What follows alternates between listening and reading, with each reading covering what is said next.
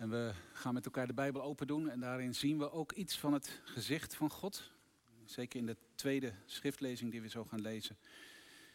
Maar daarin proeven we en zien we in ieder geval iets van wie God is, zijn aangezicht. En we gaan ons daar vanmorgen wat dieper eh, mee bezighouden om ook iets van die vreugde te gaan proeven. Er zijn twee schriftlezingen, ik weet niet of het nog doorgekomen is, maar anders dan lees ik ze toch. Jesaja 9, vers 1 tot 6, 7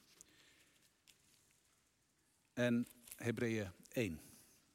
Eerst in Jesaja 9, een profetie, deels misschien heel bekend, wel een profetie die ook in het Nieuwe Testament weer terugkomt. Het volk, zegt Jesaja, zegt God tegen zijn volk in duisternis. Een volk dat in duisternis ronddoolt, ziet een schitterend licht.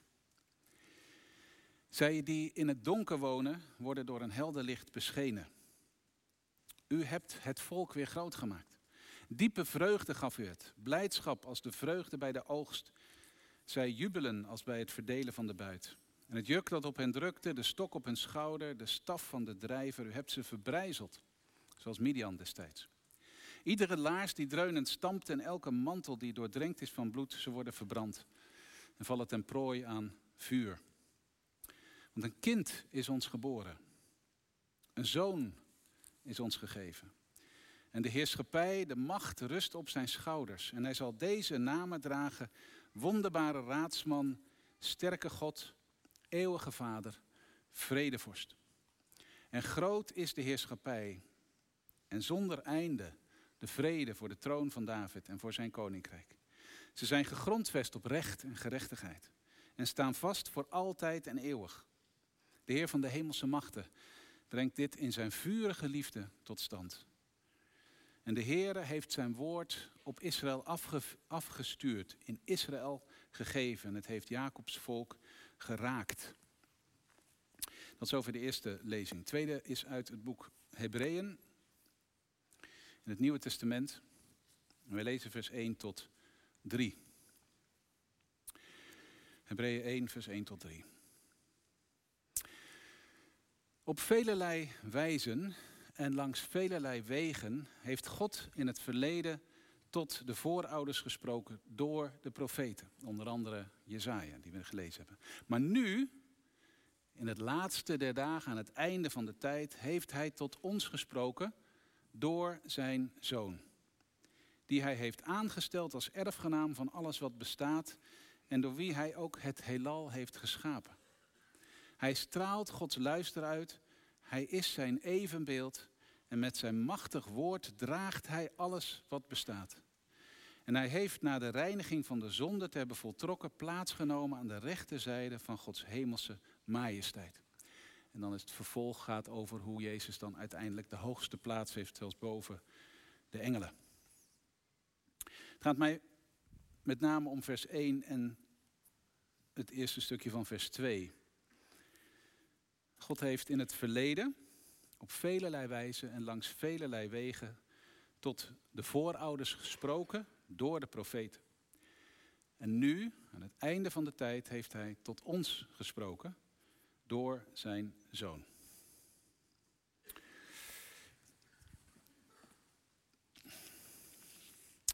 Gemeente van onze Heer Jezus Christus. Ik zou bijna doen wat net met de kinderen gedaan was. Maar ik zal u niet uh, in verlegenheid brengen. Met de vraag of, je God wel eens, of God wel eens tot jou gesproken heeft. Waar of niet waar. Ik weet niet hoe je je daarbij voelt bij zo'n vraag. Misschien denk je wel, ja, dat zou ik wel willen. Maar God spreekt nooit tot mij. Of ik heb zo vaak om dingen gebeden en God heeft nooit antwoord gegeven, nooit gesproken. Misschien zeg je, nou, ik, ik ga staan bij waar. Natuurlijk, God heeft zo vaak tot mij gesproken. Misschien zeg je wel niet waar, want ik heb zo vaak gedacht dat God tot mij sprak en het was niet waar. Het bleek allemaal zelf bedacht te zijn, inbeelding. Misschien zit je hier ook wel dat je denkt van, waar heb je het over? Nog nooit nagedacht of God tot mij gesproken heeft. Ik, ik ga af en toe naar de kerk, of ik kijk thuis mee. En dat is het dan ook wel. Ik proef wel bij heel veel mensen vandaag een verlangen naar het horen van Gods stem, dat God spreekt. Misschien herken je dat. Het is een prachtig verlangen. Het is ook een verlangen, denk ik, wat God in je hart legt. En tegelijkertijd roept het ook heel veel vragen op. Want hoe, hoe spreekt God dan? En hoe komt het dat we daar zo veel meer naar gaan verlangen? Is dat omdat we het niet meer weten hoe het werkt? Is dat omdat we verlegenheid zijn? Is het omdat we eigenlijk in nood zijn? Nou, vragen waar u alleen zelf een antwoord op kan geven. Ik wil vanmorgen wat dieper op die vragen ingaan aan de hand van het stukje wat we met elkaar gelezen hebben uit Hebreeën. Want in Hebreeën staat dat God gesproken heeft. God heeft vroeger gesproken door de profeten tot de voorouders, dus dat, zeggen, de mensen in het, wat wij dan nu het Oude Testament noemen, volk Israël. En ook wel tot de volk heeft God gesproken, maar altijd door de profeten. En nu heeft God gesproken door zijn zoon. En, en dit gedeelte wordt geschreven aan mensen die eigenlijk een beetje de moed aan het verliezen zijn. Om allerlei redenen. Het is een soort brief, het is eigenlijk een soort preek zou je kunnen zeggen. Het is geschreven aan mensen die, die dachten, ja het zal wel. Heeft het nou nog zoveel zin om te geloven? Waar is God nou? Deels omdat mensen vervolgd werden, ze hadden het best wel zwaar. Um, staat ergens in Hebreeën, mensen werden in de gevangenis gegooid, al hun spullen werden afgepakt. En ze hadden iets van, ja, is dit het nou wat het ons oplevert? Dat we, dat we Jezus zijn gaan volgen. En tegen die mensen zegt deze schrijver, en, daar valt hij bijna gewoon midden in het verhaal, God heeft gesproken. Vroeger en nu. Laten we eens kijken wat dat precies betekent. Hoe spreekt God dan? Nou, vroeger, zegt de schrijver, heeft God gesproken door de profeet. Dat is voor de komst van Jezus Christus. Heeft God gesproken door de profeten. Hij heeft niet gesproken door mensen persoonlijk aan te spreken, door mensen een ervaring te geven, via een stem of visioen. Maar God sprak tot de mensen door de profeten. En ja, God sprak rechtstreeks tot de profeten. Inderdaad, op velelei wijze. Hij, hij deed dat soms door een stem, uh, soms door een visioen, soms door een ervaring. En misschien heel veel manieren dat wij niet eens weten. En het was ook nog niet altijd makkelijk te onderscheiden tot wie, welke profeet God dan wel of niet gesproken had. Want er waren zoveel profeten die zeiden, God zegt, en het bleek niet zo te zijn. Dus God spreekt, de normale manier van spreken van God in het Oude Testament was door profeten. Door mensen. En natuurlijk waren er natuurverschijnselen. Toen Israël uit Egypte trok, als je dit verhaal kent in Exodus, dan, dan is er het natuurverschijnsel dat de zee splijt en dat mensen door de zee gaan. Maar het was Mozes die het moest uitleggen, de profeten moesten uitleggen wat die dingen betekenden. Je kan er alle kanten mee op. Als een aardbeving is, dan kun je zeggen, ja, dat is de stem van God, dat is het oordeel van God. Dat is één manier om ernaar te kijken. Maar heel snel.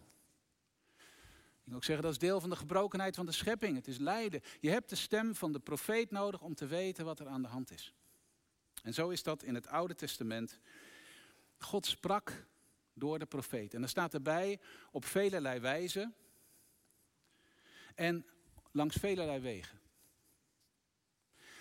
En dat is eenvoudig omdat die boodschap over wie God is en wat Hij wil geven aan zijn volk en wat Hij vraagt, niet zomaar even in één woord of door één mens samengevat kan worden. De profeten stamelen en ze stotteren als ze de visioenen zien die God laat zien aan hen. Als ze die woorden horen, dat ze eigenlijk denken, waar gaat dit over? En daarom wordt het telkens weer herhaald op andere manieren, in andere beelden. En dat is ook een zegen voor ons. Want als je noem eens wat, het boek Koningen in de Bijbel, in het Oude Testament. Wat een geschiedenis is, analen over allerlei vorsten en wat er allemaal gebeurt. Als je daar eigenlijk niks mee hebt, dan heb je nog de psalmen. Of je hebt Jezaja, of je hebt andere Bijbelboeken. Er zijn zoveel manieren waarop God iets laat zien van wie Hij is. En dat is eigenlijk heel bemoedigend voor ons. Zo sprak God in de dagen van de voorvader. Dus als je denkt God is stil, dan is dat dus niet zo. God spreekt, heeft gesproken. Goed kun je zeggen, ja dat is lang geleden. Daar heb ik nu niet zoveel meer aan. Nou, even los van het feit dat het allemaal is opgeschreven. Maar gaat de Hebreeën schrijver verder en zegt, daarbij is het niet gebleven, in alle gefragmentariseerdheid en alle beperktheid. Nee, het is doorgegaan. Sterker nog, het is tot een beslissende conclusie gekomen. Namelijk nu, in het laatste der dagen, heeft God gesproken in de zoon. En misschien is dat wat verrassend als je eerst hoort God heeft gesproken door de profeten en nu door de zoon. Je zou misschien verwachten, nu heeft God gesproken door de apostelen. Het grootste gedeelte van het Nieuwe Testament is geschreven door apostelen, getuigen. Die gezien hebben, gehoord hebben wat God gedaan heeft, maar dat staat er niet. Je zou misschien zeggen, nou maar nu in het Nieuwe Testament heeft God gesproken door de Heilige Geest. Of nu spreekt Hij door de Heilige Geest. Dat staat er niet. Het staat nu heeft God gesproken door of in de Zoon. En daaruit proef je dus, in tegenstelling tot die verbrokkeldheid in het Oude Testament, nu is het eens en voor altijd. Dit is wat God te zeggen heeft. En dat is niet te vergelijken met wat je in het Oude Testament dus gefragmentariseerd hoort. Er is iets gebeurd in Jezus Christus, waardoor de schrijver zelf zegt, we leven nu in het laatste der dagen. God heeft in Jezus Christus op beslissende wijze ingegrepen in de geschiedenis. Dat is het keerpunt van de geschiedenis. Vanaf dat moment leven wij in het laatste der dagen. Dat is nu, vandaag. Waarom? Omdat God in Jezus Christus alles heeft gezegd wat Hij wil zeggen. Jezus Christus is niet maar een profeet. Zelfs niet een profeet die hoger en beter is dan de profeet in het Oude Testament. Dat is een fundamenteel verschil wat het christelijk geloof heeft met het islamitisch geloof. Maar zegt Hebreeën, hij is de zoon. Niet een zoon, maar de zoon. En dan volgt er een hele opsomming van eigenschappen of van beschrijving, kwaliteiten van wie Jezus Christus is. Hij is niet zomaar de zoon. Hij is de erfgenaam van alles wat bestaat. En de erfgenaam is degene die straks de eigenaar is van alles wat er is. En waarom is Jezus de erfgenaam? Dat is omdat in hem ook alles wat bestaat gemaakt is. En als je iets gemaakt hebt, dan is het van jou. Dan heb jij het gemaakt. Het is God, het is Jezus Christus die alles geschapen heeft. En dan gaat het nog verder in vers 3. Hij straalt Gods luister uit. Hij, hij is als het ware de stralenkrans van God. Hij is zijn evenbeeld. En hij draagt ook alles met zijn woord. Jezus Christus, het woord, draagt heel de schepping. En dan staat er nog, wordt nog vervolgd, dat hij de reiniging van de zonde heeft voltrokken en nu zit aan de rechterhand, de rechterzijde van de hemelse majesteit, ver boven de engelen. Waarom is deze tijd beslissend? Waarom is dit de laatste tijd? Dat is omdat Jezus Christus, God zelf, niet alleen zichzelf volkomen heeft uitgesproken, heeft laten zien, maar daarin ook heeft laten zien en, en bewerkt hoe het leven is bedoeld. Doordat Hij de gebrokenheid tussen God en mens, tussen ons, de schepper, heeft weggenomen aan het kruis, is er werkelijk iets veranderd. Dat konden de profeten in het Oude Testament niet, dat kon de wet in het Oude Testament niet, dat konden de offers in het Oude Testament niet. Jezus heeft eens en voor altijd de gebrokenheid, de zonde, de scheur tussen God en ons weggenomen. En daarin horen wij Gods woord. Daarin spreekt God. En het mooie is dus dat God niet zomaar ons een boekje geeft met wat informatie. Een handboek om wat uit te putten en te kijken, ja, wat moeten we daar precies mee? Nee, God zegt, als ik spreek, dan geef ik je mijzelf in mijn zoon. Dit is alles wat ik je kan geven, dit is alles wat ik te zeggen heb. Meer is er niet. Als je mij hebt, dan heb je alles.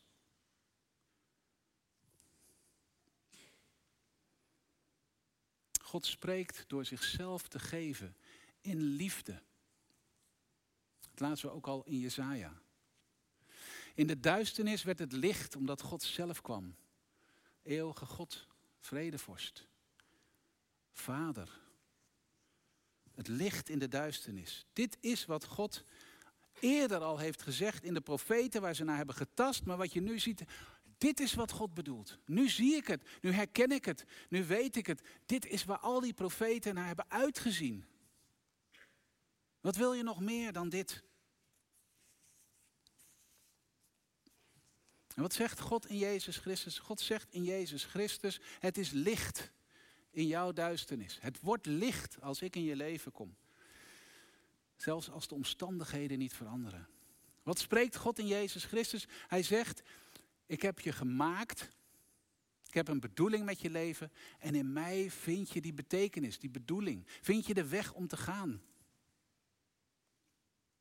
niet, niet altijd in detail. Als je een cadeautje wil geven aan je zoon of dochter of aan je familielid, mag je natuurlijk wijsheid vragen aan God. Wat een mooi cadeautje is, maar je maakt uiteindelijk zelf die keuze. God geeft je de verantwoordelijkheid om de weg te gaan. Maar in, in hoofdlijnen geeft hij je de weg die hij gegaan is van liefde en van overgave, van herstel, van vernieuwing. Dat is het woord van God. Dus als ik me nu afvraag of God wel spreekt, of als ik me nu af, eh, of als ik nu naar verlang dat God spreekt, wat zeg ik dan eigenlijk?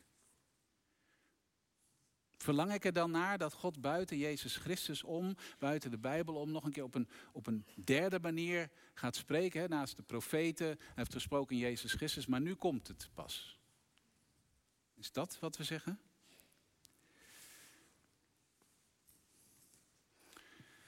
Dat het hoogste waar we naar zoeken? Het interessante is dat de geloofshelden in de geschiedenis van de kerk maar heel zelden hebben meegemaakt dat God direct tot hen sprak. Misschien één keer in hun leven, misschien zelfs niet. Met een stem. Direct. Ze hebben zich altijd laten leiden door God. Maar de voorwaarde daarvan, de voorwaarde om zijn stem te horen, is dat je dus in de eerste plaats ook luistert naar wat God al gezegd heeft. Namelijk Jezus Christus.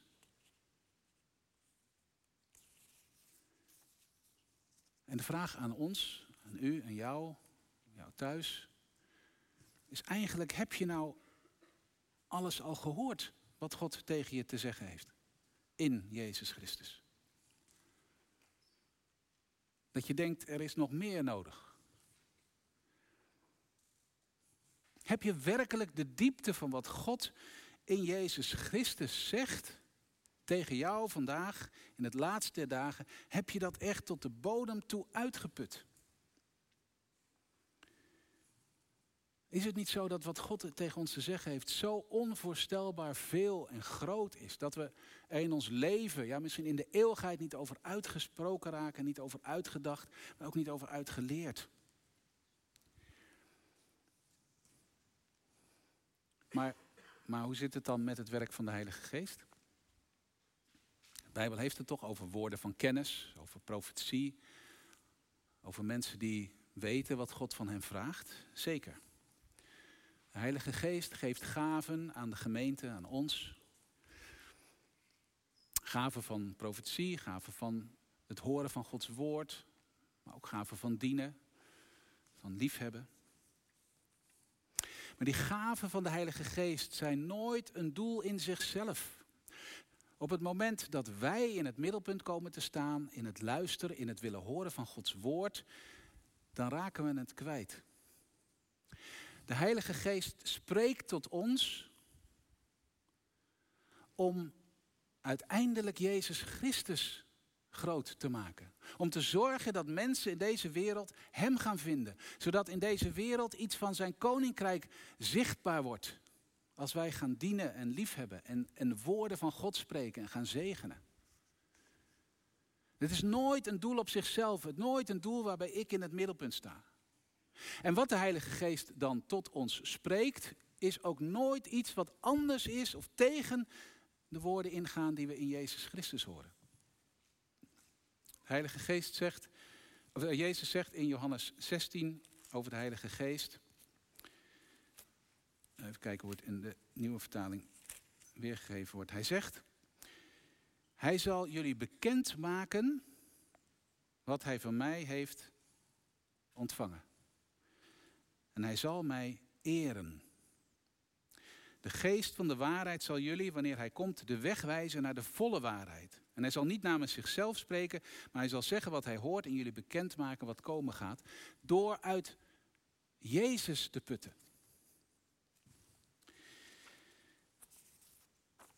En ik ben ervan overtuigd dat God ons leven leidt en heel concreet op bepaalde punten in ons leven de weg wijst. Maar hoe kan ik de stem van God vandaag horen en verstaan als ik hem niet door en door ken uit het woord, uit het kennen van Jezus Christus? Als ik niet in het woord van God, in Jezus Christus, leef elke dag, om hem te leren kennen wie hij is en hij verrast me elke dag weer. Hoe kan ik dan de stem van God verstaan als ik die vandaag de dag tegenkom? En wat zou God ervan denken als wij zijn zoon negeren en het woord wat we hebben negeren, wat God al gezegd heeft, en wachten op iets nieuws? Het is een beetje als dat iemand je een belangrijke ja, liefdes-e-mail, dat kan eigenlijk niet meer hè, tegenwoordig. Vroeger had je nog liefdesbrieven. Dat iemand je een brief schrijft of een e-mail waarin hij zegt hoeveel hij van je houdt. En je gaat zitten wachten tot iemand je whatsappt of belt of whatever. En, dat je dan aan, aan je geliefde zegt van ja, waarom, waarom reageer je nou niet? Waarom zeg je nou niks? Maar ik heb toch geschreven. Ik heb toch alles verteld wat ik op mijn hart heb. ik wil het nog een keer bevestigen. Maar lees nou eerst wat ik je heb geschreven. Zo geldt het ook bij God. En, en nogmaals, ik ben ervan overtuigd dat God heel concreet in ons leven spreekt en ons de weg wijst. Maar hoe kan hij spreken als die woorden die hij gegeven heeft niet deel van ons zijn geworden? Als ze niet zo in ons leven zijn gaan wortelschieten dat ze ons leven bepalen en hoe we leven en, en, en, de leiding in ons leven die we daaruit krijgen. Het is zo indrukwekkend dat de grote geloofshelden altijd geraakt werden door het woord. Het bekendste voorbeeld misschien wel Luther. Luther die zocht naar de stem van God, die zocht naar vergeving en genade. En op een gegeven moment geraakt werd door het woord uit Romeinen. Er is buiten de wet om genade gekomen voor een ieder die gelooft dat sloeg zo diep in dat hij uiteindelijk aan de basis stond van een vernieuwingsbeweging.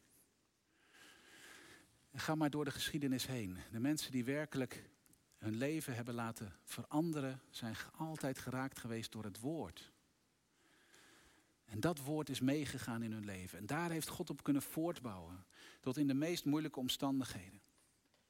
En natuurlijk, soms zit je verlegen om, om de weg te weten. Soms zit je diep in het lijden, verstrikt. En dan is het zo belangrijk dat je oefent in het horen van de stem van God door, door in, die, in die Bijbel te, te leven, dat op de meest moeilijke momenten je weet dat God je draagt. Al kun je verder bijna niets meer doen of zeggen. Dat je weet dat Hij de wereld overwonnen heeft. Dat je weet dat we meer dan overwinnaars zijn in alle omstandigheden. Dat je weet dat Hij je draagt. Want dat heb je je leven lang tot je genomen.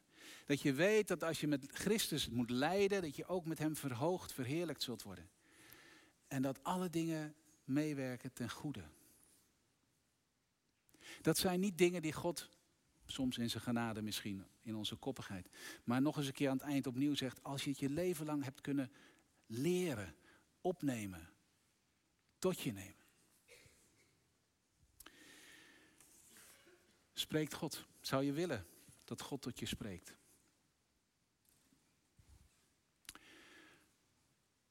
Is wel een spannend avontuur.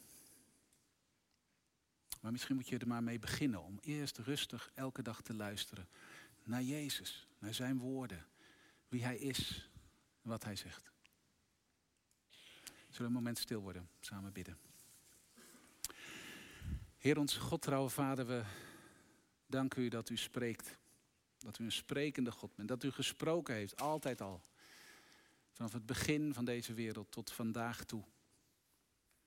En we danken u dat u gesproken heeft in uw Zoon, Jezus Christus.